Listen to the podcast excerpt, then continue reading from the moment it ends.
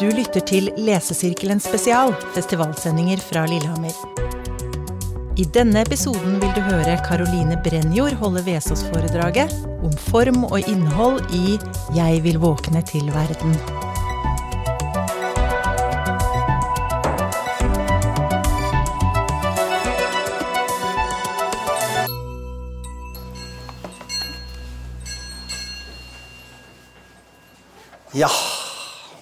Da er vi altså ved dagens tredje eh, programpost.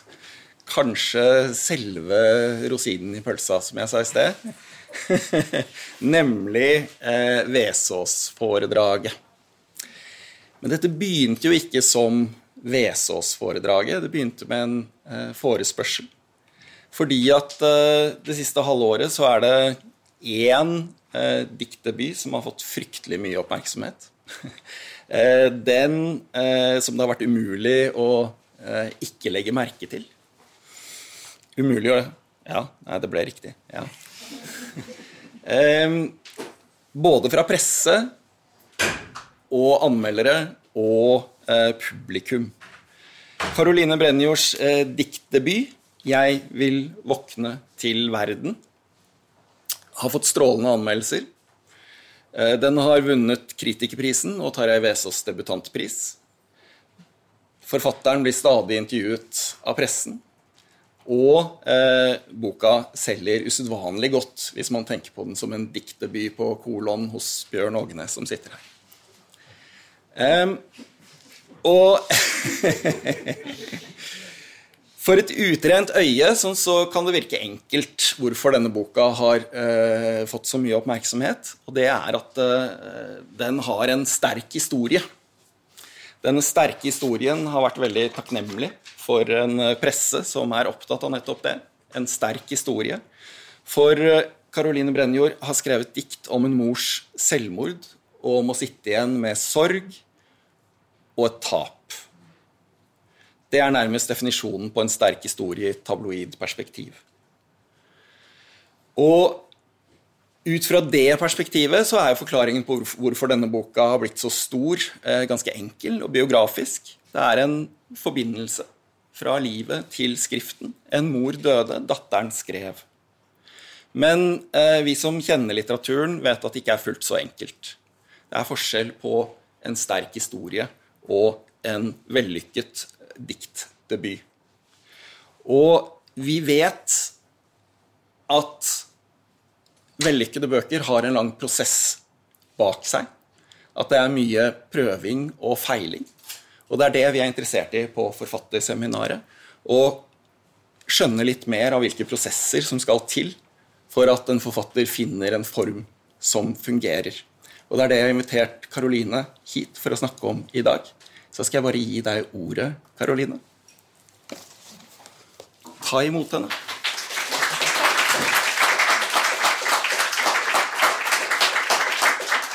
Takk. Um, Ja, i dette foredraget skal jeg snakke om hvordan boka mi 'Jeg vil våkne til verden' er blitt til, og om mitt forhold til skriving.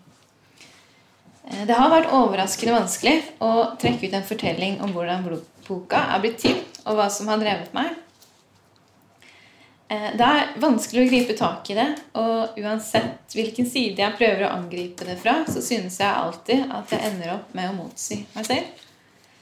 Um, så dette er en fortelling om hvordan boka ble til, med et lite forbehold om at det kanskje ikke var slik den ble til. Eh, jo lenger tid det har gått siden jeg har skrevet boka, desto enklere, desto både enklere og mer mystisk virker tilblivelsen av den. Eh, når jeg har gitt intervjuer, eh, eller har skrudd forberedt meg til det, så har jeg liksom klaget til redaktøren min og sagt ja, men jeg forstår ikke hvordan den har blitt så bra. Jeg har bare snublet over det. Eh, eller sagt til ei venninne at jeg, jeg er bare en blind mann som tegner i sanden. Eh, og det er jo ikke sant. Eh, men det føles eh, mange ganger som om jeg har laget noe som egentlig har vært utenfor min rekkevidde eh, utenfor rekkevidden av min forståelse å lage. Eh, virker, jeg synes at avstanden mellom det eh, jeg har følt at jeg har holdt på med å sitte og flikke på dikt i det uendelige og av og til skrive et nytt, og de større sammenhengene boka har endt opp med til slutt, synes så stor. Eh, det kan føles som om jeg, mens jeg har sittet med alle de små valgene, har beveget meg mot noe større mens jeg ikke har fulgt med. Og Først så prøvde jeg å angripe oppgaven bare ved å prøve å tenke. Eh, jeg tenkte og tenkte og tenkte, og tenkte, og jeg liksom ble ikke noe klokere på det. Eh, men så begynte jeg til slutt å lete frem gamle utkaster av manuskripter. Eh, og de var fulle av kommentarer og forslag til alternative løsninger og dissekeringer og tanker rundt diktene. Eh, og da så jeg at jeg tross alt hadde tenkt veldig mye både på diktene og samlingen og hva jeg ville med den, men som jeg rett og slett har glemt eh, at jeg har tenkt. Eh, og det er jo ikke så lett å vite hvor bevissthetens grenser går, hva jeg på en måte har gjort med viten og vilje, og hva som kanskje har vært en understrøm som har villet noe selv. men jeg liker best å tenke at skrivingen ikke er skrivingen ikke er så mystisk. Um, ja, det er en slags lettelse for meg å se at jeg faktisk har hatt litt uh, feiling på det jeg har gjort. Og om ikke annet så ville det blitt for dumt uh, å bli så anerkjent å komme hit og holde foredrag og si 'jeg vet ikke hva jeg har gjort'. så jeg har prøvd veldig godt eller hardt å finne ut av det. Ja. Jeg begynte med et tilsynelatende uskyldig spørsmål. Eh, hvor lang tid har jeg brukt på å skrive boka? Eh, men selv det er vanskelig å svare på, syns jeg. Eh, jeg vet veldig godt når den ble ferdig. Det var samme dag eh, den ble sendt til trykkeriet. Men jeg, eh, men jeg vet ikke når den startet. En stund så tenkte jeg at det er, at det er rimelig å regne at arbeidet med boka startet ca. ett og et halvt år før den ble ferdig. For jeg synes at manuskriptet før det har så lite til felles med boka slik den ble til slutt, slik den er nå. Eh, det var virkelig hummer og kanari, og jeg tenker at jeg kunne ha gått i hvilken som helst retning med det utgangspunktet, om ikke med like vellykket resultat. Eh, og det hadde virkelig ikke vært i mine tanker at boka til slutt skulle dreie seg om sorg og selvmord. Eh, blant annet så inneholdt manuskriptet dikt om å forme en jordklode av tyggis. Et dikt om en mann som spiller xylofon på arbeidsplassen. Eh, dikt om Walmart og cowboyer, om stirrende ugler i tekoppen. Om en tryllekunstner. Det var dikt om bestefaren min. Et dikt om å strikke en ullgenser til Gud et sosiologisk inspirert dikt om turisme og et dikt om tonen hos kommersielle aktører kalt logaritme jovial. Eh, eh, så var det virkelig 'Jeg vil våkne til verden' jeg hadde begynt å skrive på da. Eh, på den annen side så fantes jo også flere av de diktene som nå er blant de aller mest sentrale diktene i boka. F.eks. diktet tro, som også er det eldste, eh, og går slik. Jeg er barnet til en selvmorderske. Strålen som skal kaste kunst over tragedien. For tenk at galskapen kan etterlate noe mildt og velgjørende. Jeg er nåden. Jeg sørger og fortviler med ynde med mykt hår duvende nedover skuldrene. Så ikke vanvidde skal ta meg også. Så ingen skal se meg i gata med blafrende hår på en vindstille dag. Eh, I dette diktet så finnes jo allerede både barnet, moren, selvmordet, lyset og en variant av frelsermotivet i Bibelen. Eh, som ja, også går igjen. Ehm, det som var den opprinnelige planen med, med boka, eh, det var egentlig å lage en diktsamling i ordets bokstavelige og enkleste forstand, nemlig en samling av dikt. Eh, av dikt som var enkeltdikt. Eh, redaktøren min, Bjørn Ågenes, kontaktet meg eh, da jeg var i ferd med å avrunde årsstudiet mitt på Skrivekunstakademiet i Bergen for nå snart fire år siden. Han lurte på om jeg hadde et manus liggende som jeg kunne sende han. Det hadde jeg ikke, men jeg har samlet de diktene jeg tenkte var de beste jeg hadde, og laget et provisorisk manus. Eh, og slik jeg husker det, så var jeg ikke helt innstilt på en dypere og lengre skriveprosess. Jeg tenkte det mest gjaldt å eh, ruste opp diktene så fort som mulig og få dem i trykken. Eh, men sånn eh, Ja, det tok jo Det ble litt mer komplisert. Uh, og av de diktene jeg sendte Bjørn, det var ca. 65 dikt, og nå er det bare tre, tre av dem igjen. ja. Men jeg tenker nå likevel at dette bør regnes som starten på boka. for jeg tror kanskje at den misforståelsen jeg hadde, at alle slags dikt med alle slags motiv i alle slags toneleier kan samles i én bok, eh, har gjort sitt til at, eh, at uttrykket i boka er blitt såpass eh, variert og dynamisk. Eh, så da er svaret på hvor lang tid det tok meg å skrive en, en dobbelt prisbelønt debutbok. Tre og et halvt år. Eh, selv om ett og et halvt år eh, ville vært mer imponerende. Um, ja. Den lille utredningen for hvor lang tid jeg har brukt på boka, sier jo også litt om hvordan. Nemlig at boka begynte i det helt, helt åpne.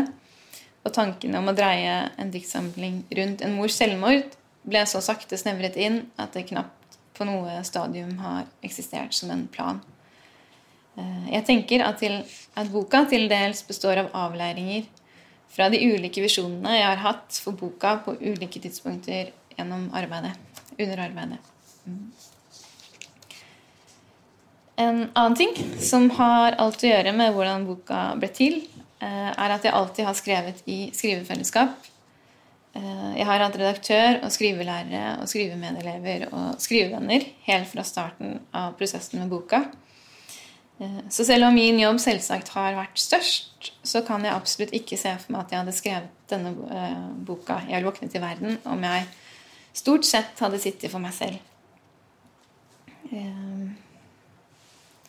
Ja, og om det er slik at jeg begynte på boka i mai 2017, så følger det også av det syns jeg at det er underveis med arbeidet eh, med denne boka at jeg har lært å skrive.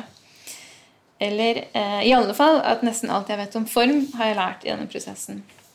Både det å skape en større form i en bok, og det å gi form til et enkelt dikt. Eh, før det kunne jeg vel for så vidt skrive dikt, men jeg forsto ikke forskjellen på når et dikt var vellykket, og når det ikke var det. Ehm, for å parafrasere Toden Hønnebø eh, Jeg var 27 år og visste ikke hva et dikt var. Ehm, veldig fri var jeg derimot. Det andre året jeg skrev på boka, begynte jeg på det såkalte prosjektåret på Skrivekunstakademiet i Bergen. Og på en av de første samlingene sa Gunnar Wærnes eh, Nå har jeg skjønt hva din skrivemetode er. Eh, skrivemetode er du er bare helt fri. Uh, og det stemmer ganske bra. Uh, nå er det lenge siden jeg har skrevet noe særlig, og jeg er ikke i den følelsen nå. Uh, når jeg ser tilbake på hva jeg leverte under det prosjektåret, så, så blir jeg litt forundret. Men selv om det kanskje høres ut som en herlig og misunnelsesverdig metode, så har frihet som metode også sin begrensning. Eh, det er et dikt i boka mi som heter 'Mens jeg leter', eh, og det går slik.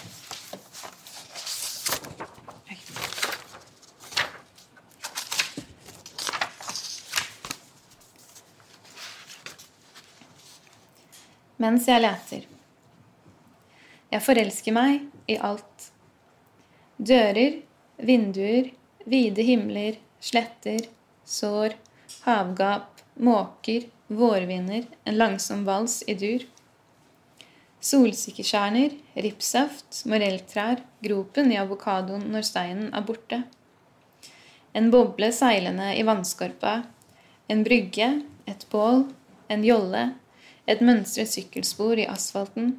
En motorvei i daggry og kalver som lærer å løpe. Jeg vil hjem til et ansikt.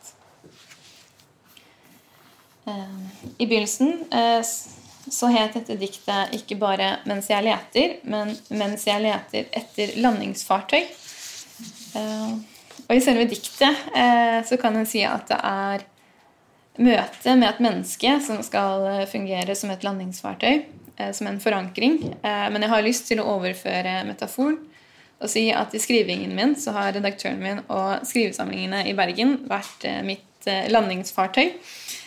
Ehm, på samme måte som jeg i diktet forelsker seg i alt, eh, så har også skrivingen min forelsket seg i alt. Eh, som jeg var innom i stad. Walmart, ugler, strikking, gud og turismekritikk.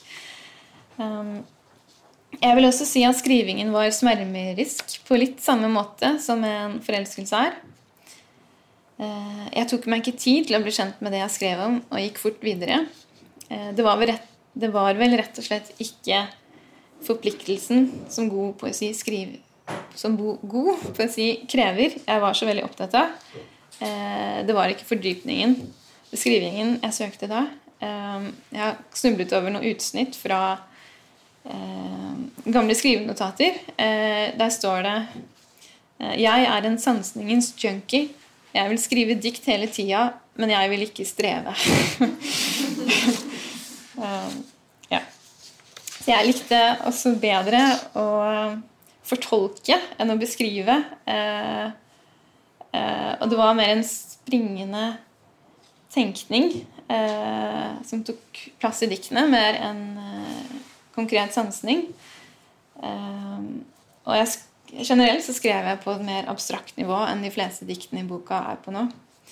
Eksempler på hva jeg skrev, er vi kan fylle øynene våre med lys, til kartet blir større enn havet. Et hav vi kan seile på, om det er seile vi vil, og bølgene ikke spiller noen rolle. Ehm, og skjønnhet revner innenfra. Jeg har fått en svart katt i hodet. Ehm, det her var ting som jeg syntes var veldig bra. Um, eller litt bra, i hvert fall. Uh, men de uh, er blant de uh, 62 diktene som vi ikke har fått vært med videre. ja. jeg var også mer ironisk. jeg har fortsatt en hang til det ironiske, men det var verre før. I diktet 'Barn, fugler og hemmeligheter' heter f.eks.: Om barnet ikke er i stand til å, forstå, til å forstå seg selv på filosofisk grunnlag, kan det hende at fuglen spiser det opp. Eh, jeg ble spurt på skrivesamling om hva det egentlig betyr. Eh, jeg syns det var et sånn unødvendig spørsmål, for det sa vel seg selv. Men eh, nå står det bare 'et barn som ikke forstår seg selv, er et enkelt bytte for en fugl'. Det er kanskje kryptisk nok. Men jeg tror også Jeg tenker at den endringen i det diktet Eh, også kan stå for en slags overgang i boka eh, fra et barn som prøver å forstå seg selv ved hjelp av tankene, til et barn som begynner å vende seg mot verden og seg selv ved hjelp av sansene. Um, ja. Så både av redaktøren min og på skrivesamlingene fikk jeg motstand for min eh, forkjærlighet for metafysiske påstander og slutninger. Og ble hele tiden bedt om å pakke ut skap, situasjon, gjør billedlig. Eh, det gjorde jo ting litt vanskeligere for meg. Jeg syntes det var deilig å være påståelig og fri. Eh, men det var jo en veldig viktig, vektig innvending at, eh, at leserne ikke forstår eller ikke får noe ut av det jeg skriver. Ja, Slik jeg ser det nå, så har landingen i boka eh, altså i bokas innhold en parallell i slik jeg tenker at jeg landet som poet. Eh, siden jeg begynte å skrive, har jeg begynt å skrive mer sanselig, eh, og som i mitt tilfelle også er beslektet med mer følsom. Jeg tenkte at jeg kan lese noen dikt fra boka som er mer typisk for hvordan jeg skrev før landingsprosessen begynte, og noen som ble til i landingen. I mitt hode skiller jeg mellom dem som tankedikt og føredikt, selv om jeg tror alle kanskje består av et blandingsforhold. Eh, blant tankediktene mine regner jeg f.eks. En rev stjal navnet mitt. Det nytter ikke å rope på meg selv lenger. Det er bare reven som kommer. Eh, jeg regner også mot tretoppene. Du kan høre på subbingen at det er jeg som arbeider med å tenke verden lys. Eh, og så et dikt eh, som ikke har noe tittel, men som er et ukedag-dikt. Eh, det går sånn. Eh, mandag. Jeg er sukkerertene som trillet ut da moren min åpnet en belg. Tirsdag. Jeg er en valp som løper seg vill og forfjamset av glede. Onsdag. Jeg er et apparat som fanger inn bevegelser i åkeren. Torsdag. Jeg er reven som spiser opp navnet sitt, slik at ingen kan rope den hjem. Fredag. Jeg er et drønn i en eikenøtt. Lørdag. Jeg er et skip i natteluften lastet med engler. Søndag. Jeg er lammet som forsøker å løpe på bunnen av havet. Eh, og eh, Eh, ja, så det er dikt som jeg tenker kan, hvis man vil, falle for kritikken uh, fikst. Uh, men uh, ja, men jeg, jeg syns jo de duger. men eksempler på følediktene mine, det er f.eks. diktet 'Ny begynnelse', som går slik Da jeg ble født berørte jeg jorda med hodet først. Jeg hadde myk nakke og rullet ut over bakken.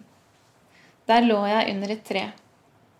Jeg tok imot spredte lysstråler og kavet med fingrene i lufta etter frukt.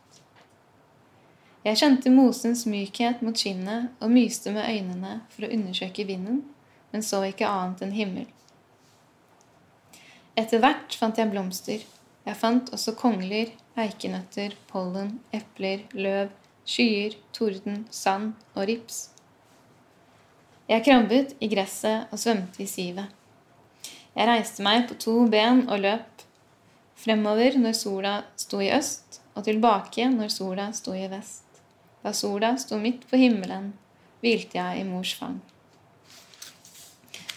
Eh, og eh, enda et eksempel eh, på et føledikt er vind Vann. Jeg satt på strået og vaiet frem og tilbake i vinden. Jeg kjenner fortsatt stråets bevegelse i brystet. På strået lærte jeg å synge. Jeg åpnet munnen, spente magen og lot pusten berøre meg på vei ut. Jeg er ikke som jeg var. Tungen, leppene og lungene er ikke de samme etter at jeg satt på strået i vinden. Jeg synger melodier som løfter kroppen opp av kroppen og senker den tilbake fylt med fryd. Jeg sto på vannet og gynget opp og ned med bølgene. Jeg kjenner fortsatt bølgenes bevegelser i brystet. Ehm, flere har bemerket lettheten i skriften min eh, og stusset over hva den kommer av. Men jeg tenker at om de hadde lest meg før, så hadde de kanskje heller stusset over alvoret eller tyngden, tyngden i diktene. Eh, jeg hører ofte om dem som føler motstand mot språket og mot skrivingen, eh, og jeg kjenner meg absolutt ikke igjen. Faktisk tenker jeg at det er lettheten jeg har måttet kjempe mot. I en konsulentuttalelse jeg fikk en gang, sto det også en forfølelsen av at av at diktene har trillet for lett ut av ermet. uh, ja. Så en ting jeg tror er knyttet til lettheten uh, i samlingen, er forholdet jeg har til språket. Uh, for noen, slik jeg har forstått det, handler poesi om å overkomme det vanlige språkets begrensninger. Å komme seg rundt eller over et språk en føler ikke er i stand til å bære det man trenger å si, eller uttrykke hvordan man har det. Eh, men jeg tror jeg mangler denne mistilliten, eller desillusjonen, overfor språket. Eh, jeg er redd jeg tipper over i å karikere meg selv, men jeg må si at jeg bare gleder meg over språket. Eh, jeg kan føle meg trøtt og noen ganger motløs av forterpet språk, men det er jo ikke språket sitt skyld. Bare bruken av det. Og jeg har heller ikke så langt hatt så stor drivkraft til å undersøke språket eller filosofere over det. Min, forståel min, forståelse av min egen skriving er at den er ganske praktisk eller pragmatisk. Ehm, jeg, jeg føler egentlig at jeg bruker det på en uh, likefrem måte. At jeg bruker eh, språket slik jeg i min uvitenhet om billedkunst eh, kan se for meg at en maler bruker maling. jeg føler at språket bare ligger der til disposisjon. Ehm, men eh, istedenfor at språket gir meg motstand, så har jeg et problem med det motsatte. At språket gir meg medfart. Eh, og kanskje noen ganger litt for stor fart. Eh, for med alle mulighetene jeg føler språket gir, så har jeg ikke helt visst hvor jeg skal sette inn støtet, hva jeg skal prioritere. Eh, sporene man kan følge i språket, er så mange Eh, og rett som det er, så føler jeg at jeg rett og slett eh, får en sånn tapsfølelse når jeg tenker på at jeg i mitt ene liv bare kan utforske en brøkdel av de mulighetene som finnes. Eh, det kan jo høres voldsomt ut å si at det er en slags dødsangst, men det er i alle fall en følelse av at skrivingen haster. Så jeg har f.eks. vært eh, redd eh, for å gå glipp av eh, et fint dikt liksom ved å følge feil assosiasjon og velge den ene fremfor den andre. Og vært redd for at hvis jeg skal dedikere meg til å jobbe videre med ett dikt, så er det fem andre jeg kunne ha bydd på den samme perioden.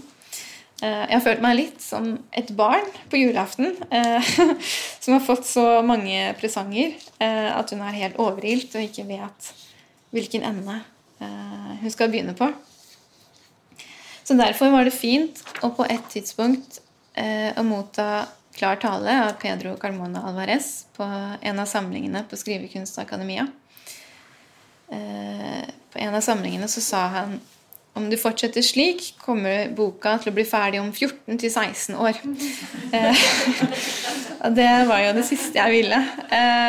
For jeg ville at boka skulle komme ut samme høst. Eh, så da, da kuttet jeg nådeløst, nådeløst, ut 80 sider av et manuskript på 150 sider. Eh, og gikk over i en periode eh, hvor jeg nesten bare fokuserte på materialet jeg allerede hadde. Den perioden varte i nesten ett og et halvt år fra da og til boka ble ferdig.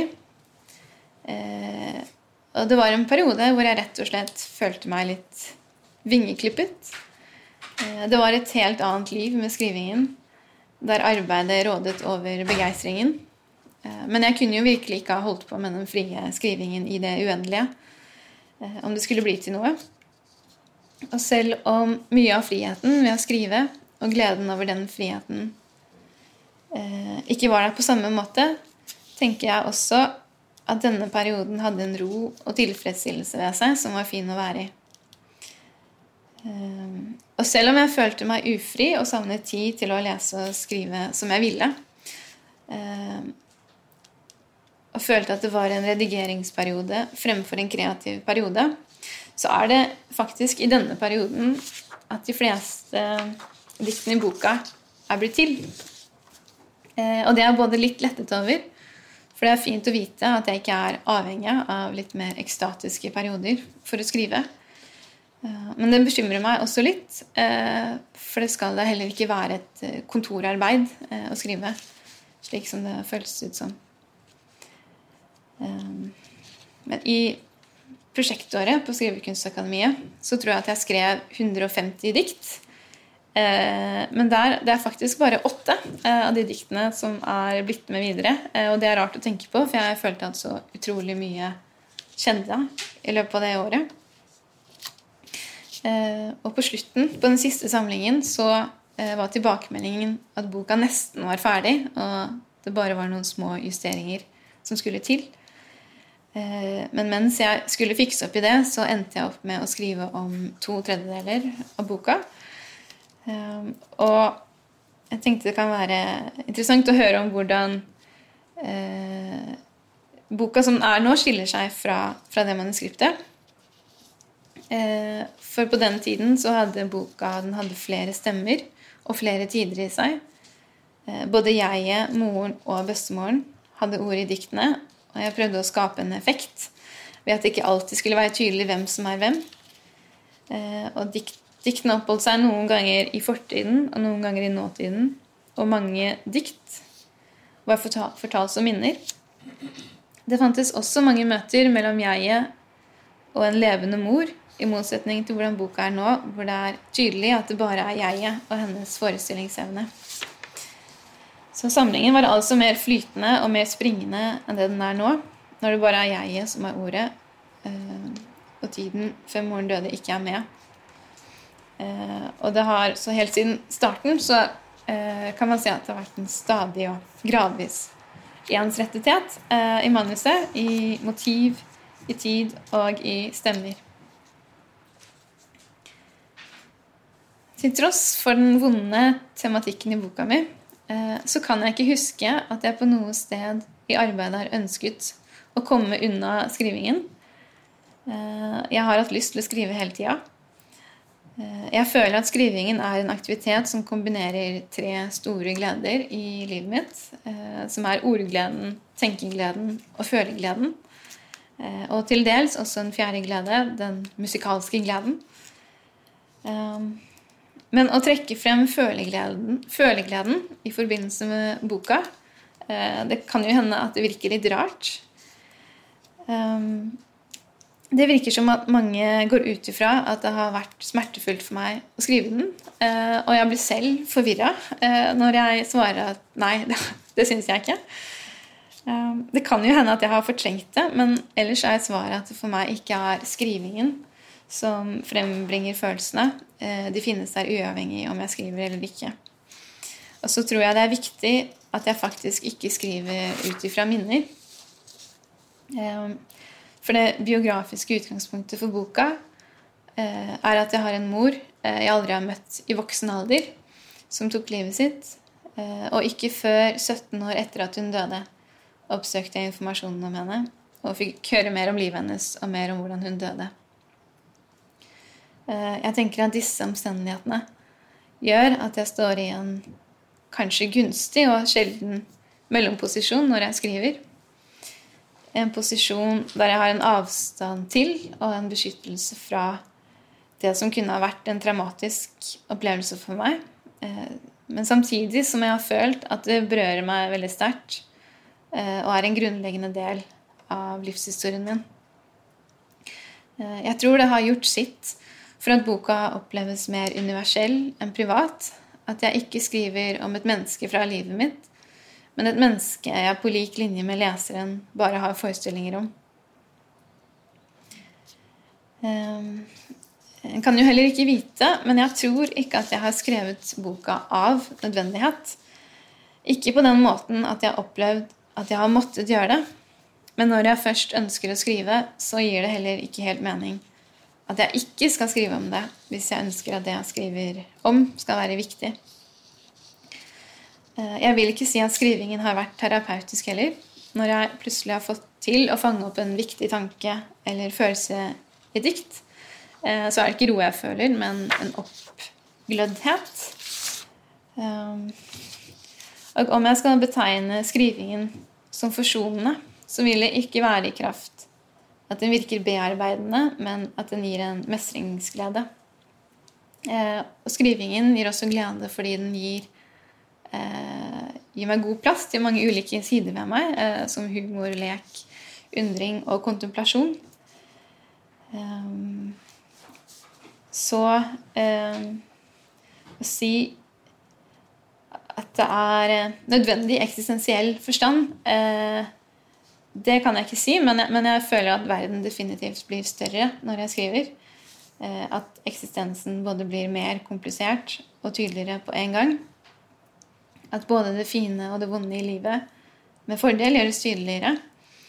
Eh, for hvis jeg vil leve som et helt menneske, så må jeg leve i en hel verden, og verden er jo ikke hel.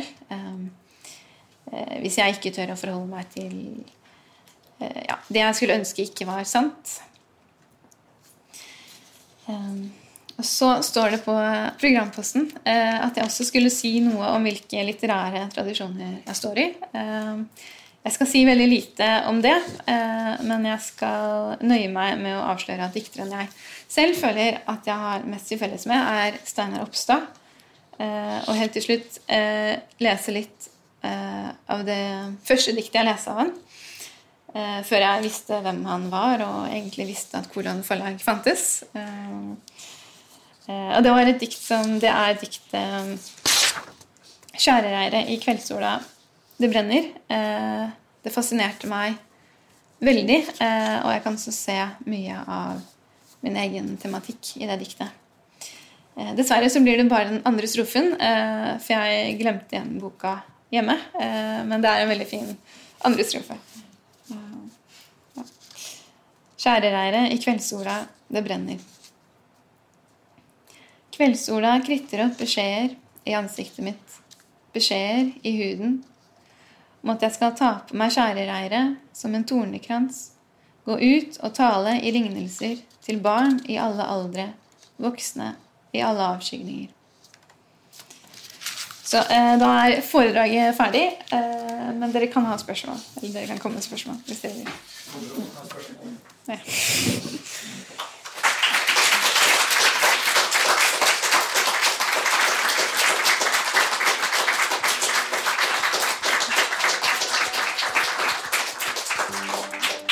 Tusen takk, Karoline.